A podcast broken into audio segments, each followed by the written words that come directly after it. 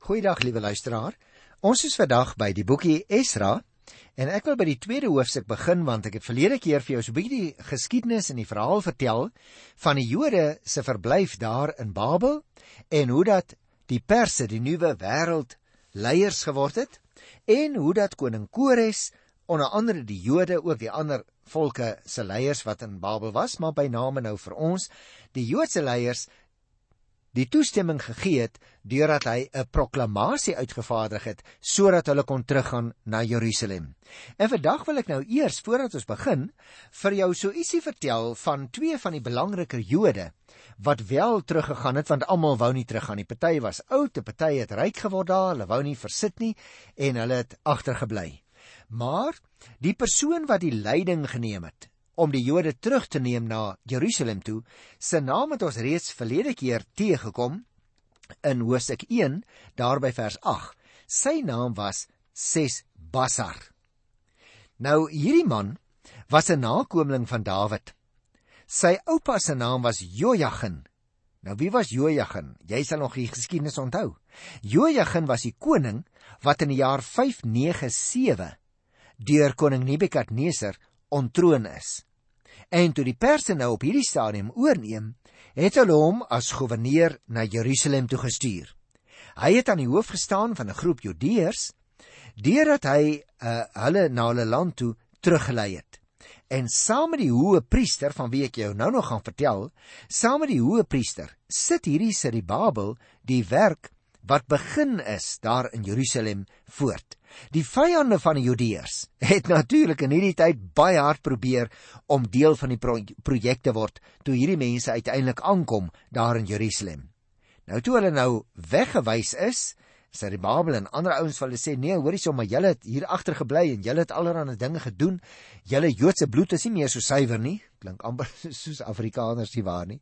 So julle kan nie met ons help bou om hierdie tempel weer reg te maak nie. Toe daardie mense nou weggewys is, het hulle deur middel van politieke druk probeer om die werk in die wiele te ry. Die Judeërs was natuurlik baie bang en die werk het by meer as een geleentheid eenvoudig tot stilstand geruk. Hulle het na hulle huise toe teruggegaan en so daar 16 jaar uiteindelik verloop sonder dat daar aan die tempel gebou is. En dis waarvoor hulle eintlik teruggekom het. Die Here het in daardie tyd die profete Haggai en Sagaria gestuur om Serubabel by te staan. Jy kan gerus gaan lees in die boekie Sagaria by die 4de hoofstuk daar van die 6de vers af dan sê jy sien hoe dat die profeet die ouens moes aanmoedig, hulle by tye selfs moes dreig om te begin met die bouwerk aan die ruïnes. Hulle die mense oor hulle huiwering aangespreek en ook op hulle vrese geantwoord. Want die arme ouens wat wou bou was bang vir die ander wat hulle aan mekaar gedreig het dat hulle nie mag bou nie. En daarop kon die werk met nuwe krag en ywer voortgesit word en is dit binne 4 jaar voltooi.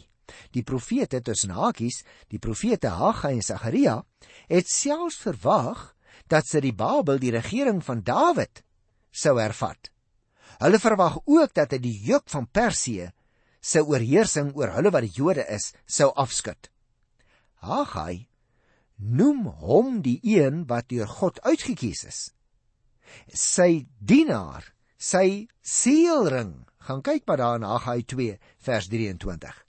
Hy Kores dra naamlik volgens hulle die volmag van God om die uitredding van sy volk te help bevorder.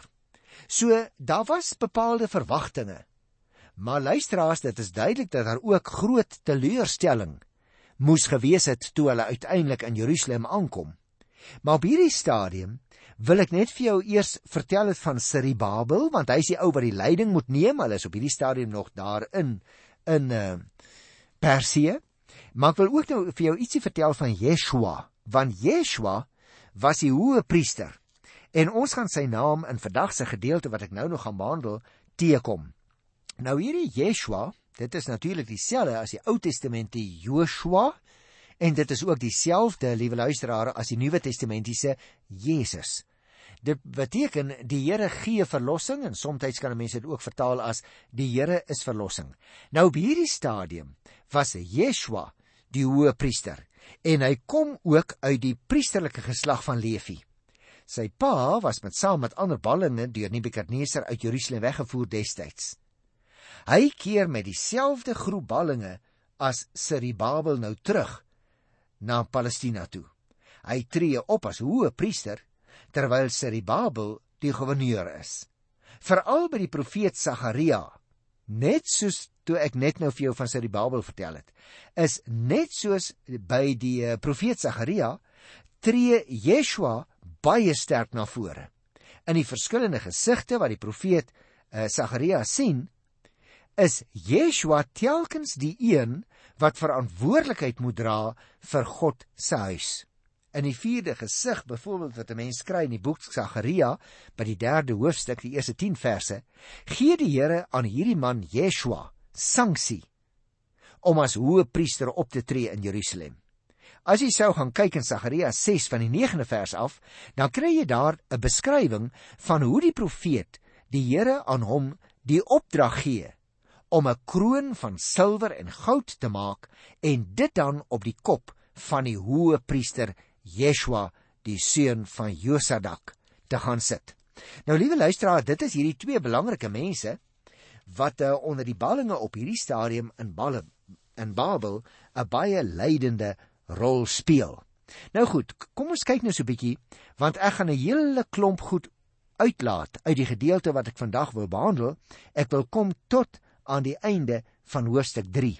En as jy 'n Bybel vir jou oop het, sal jy sien veral hoofstuk 2 het 'n groot klomp getalle en 'n groot klomp name wat daar aangeteken is. En ek gaan dit oorsigtelik net met jou bespreek. Ek gaan dit nie alles in detail met jou behandel nie.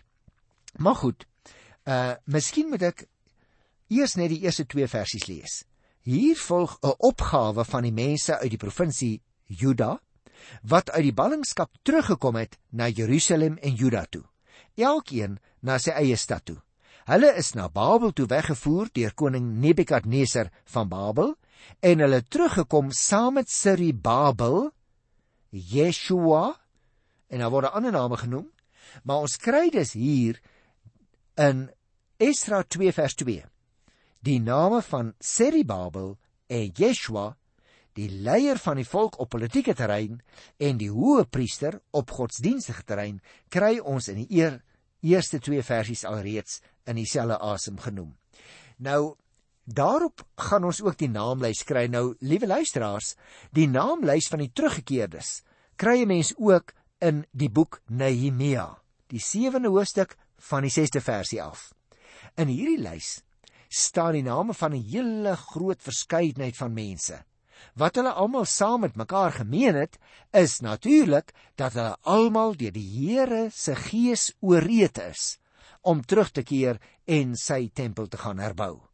Hulle is met ander woorde in 'n baie besondere sin ook die verteenwoordigers van God se volk en hulle toon op 'n simboliese manier die terugkeer van Israel na hulle land en na hulle God toe vir ons aan.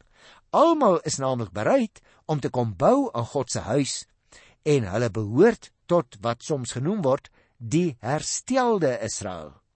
Nou wil ek net die lyn vinnig so 'n bietjie deurtrek, liewe luisteraar, maar jy sal weet in die Nuwe Testament word Christus gelowiges boustene van die tempel van God genoem. Ons is die lewende stene. Onthou jy? 1 Petrus 2 vers 5. Wat op die hoeksteen Jesus Christus gebou is om 'n geestelike huis te wees waarin die Here woon.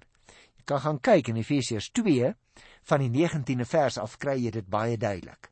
So beide Ou Testament en Nuwe Testament later wil vir ons baie goed uit verstaan dat die Here nie in 'n gebou woon nie. Jy sal onthou toe Salomo gebid het toe die Here hom opdrag gegee het om die tempel te bou, die eerste tempel in Jerusalem, en hy het dit klaar voltooi het. Toe het hy lang gebed gedoen en het hy dieselfde ding voor die Here bely om te sê Here, maar u woon tog nie in 'n gebou nie. U woon in die harte van die volk. Nou daardie gedagte kry ons dus beide in Ou en in Nuwe Testament. Kom ek sê dit andersom. Deur sy gees werk God reeds in Ou Testamentiese gelowiges, maar ook in jou en in my hart die bereidheid om nie net aan sy kerk mee te werk nie, maar onsself ook aan die Here self te wy om hom met toewyding te dien. Alles vir hom te doen. Is dit met jou so, liewe luisteraar? As 'n mens dus in hierdie eerste 2 verse van Hosea 2 nou reeds verneem van Sesbasar, dan wil ek dadelik vir jou sê wie hy eintlik weet ons nie vir sy baie van Sesbasar nie, behalwe dat die Here hom hier roep vir 'n bepaalde werk. En dit is moontlik dat hy dadelik terug is Babel toe.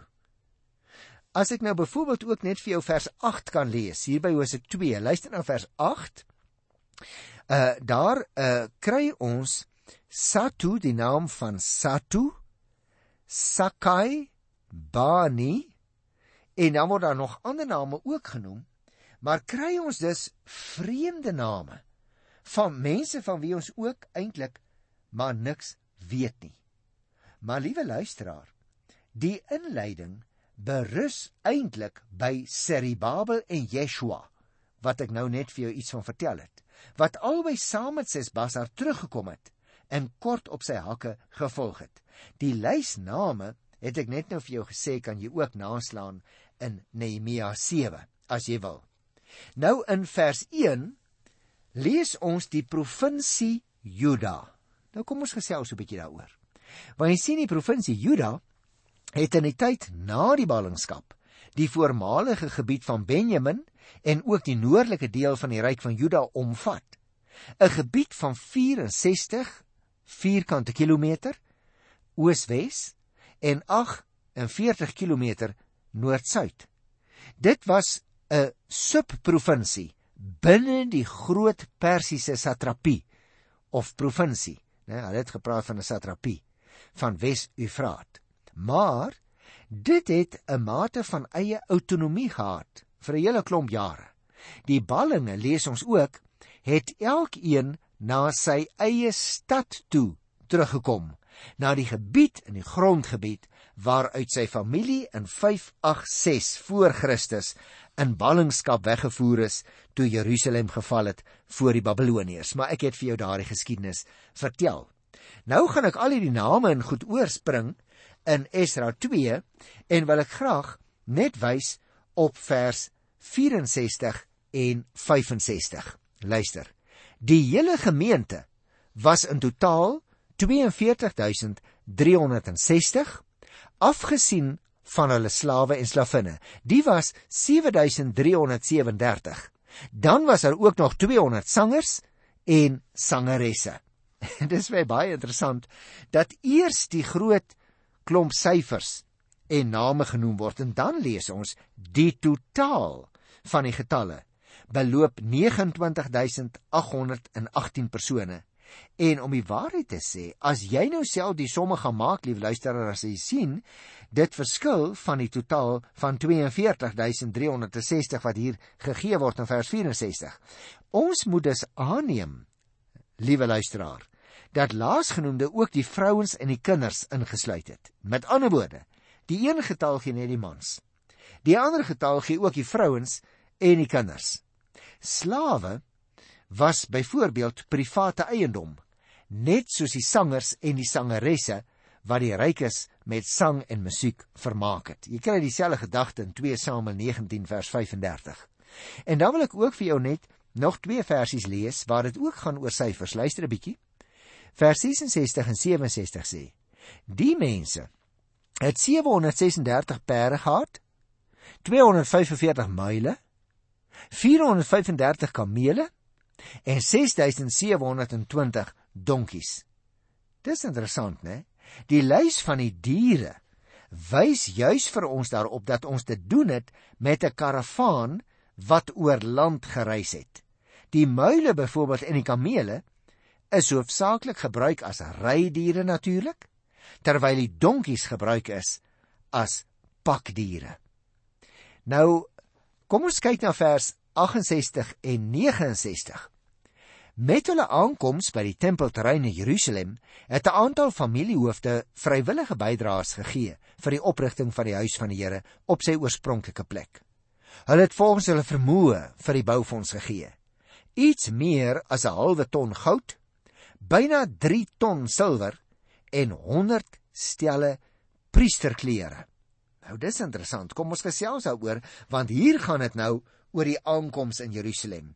En jy merk dadelik op, liewe luisteraar, hierdie is die tweede fase van die uitvoering van die opdrag. Daar was eerstens die gereedmaak en die vertrek uit Babel. Hier het ons nou te maak met die tweede afdeling, naamlik hulle aankoms in Jerusalem. En ons moet onthou, die Judeërs het onder die opdrag meer verstaan as om net 'n gebou te gaan oprig. Dit gaan vir hulle, soos ek net verduidelik het, oor die herstel van die hele godsdiens en die godsdienstige praktyke. En daarvoor was die tempel baie nodig. Die tempel is wel die mees geskikte plek om God te dien. Maar die Here kan ook alreeds voordat die tempel voltooi is, natuurlik gedien word. Daarom gee die familiehoofde nie net geld vir die tempelboufonds nie, maar ook klere vir die priesters wat die erediens moet hanteer.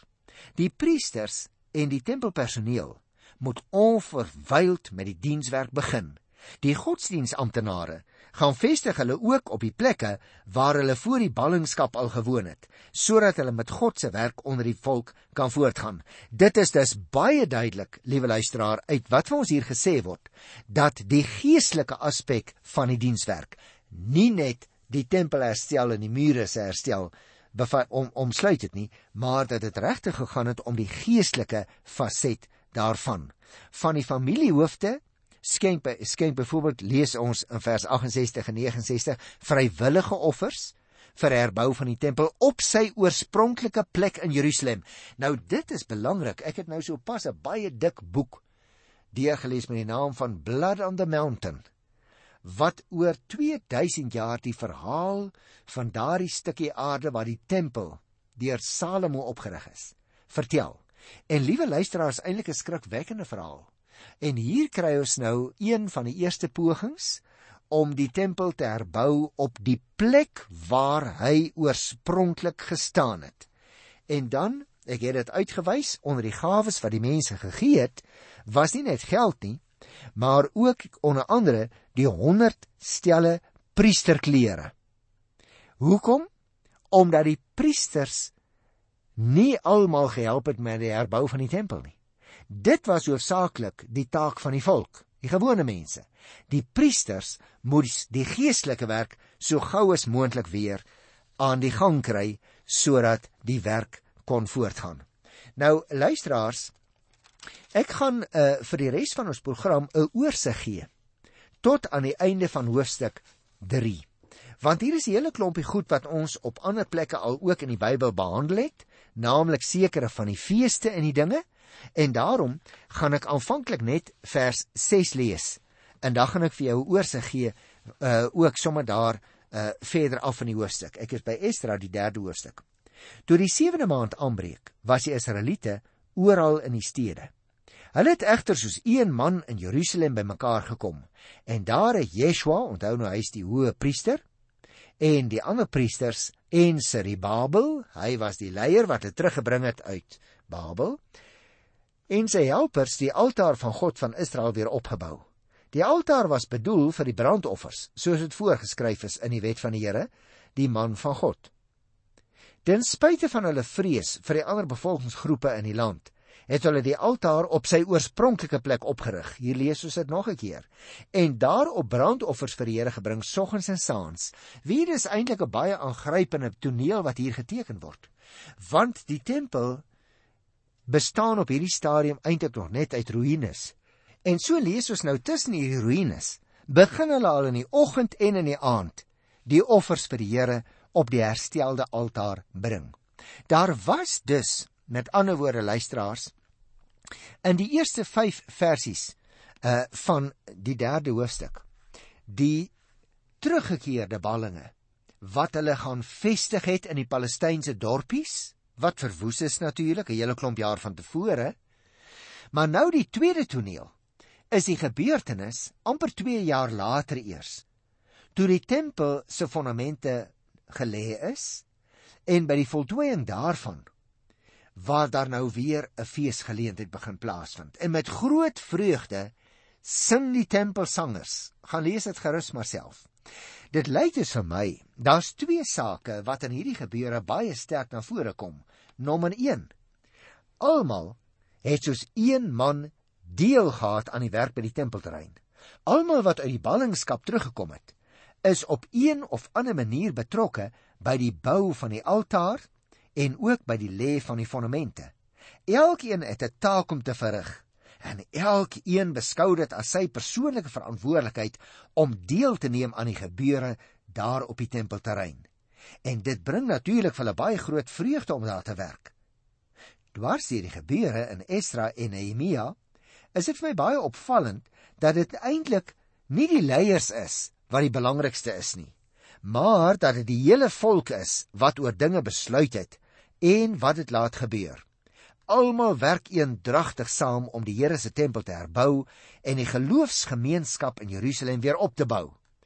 Soos elke ledemaat van die liggaam 'n onmisbare rol het om te vervul, gaan kyk maar in die Nuwe Testament ook Romeine 12 en 1 Korinte 12, so moet ook in daardie tyd elkeen wat aan God se gelowige versameling mense behoort, saam met die ander lidmate, die Here se kerk dien op 'n plek waar hulle op puntdiens is.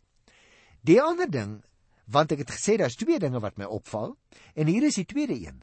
Die Judeërs gaan telkens terug na die verlede toe en die voorskrifte wat die Here aan sy volk destyds gegee het aan hulle groot ou wetgewer Moses. Jy sien luisteraar, wanneer hulle die altaar vir die offerdiens bou byvoorbeeld, dan doen hulle alles net soos dit voorgeskryf is destyds al deur hulle ou vader Moses. Hulle vier die feeste. Daarom het ek gesê ek gaan nie als lees nie want ons ken nou al die feeste.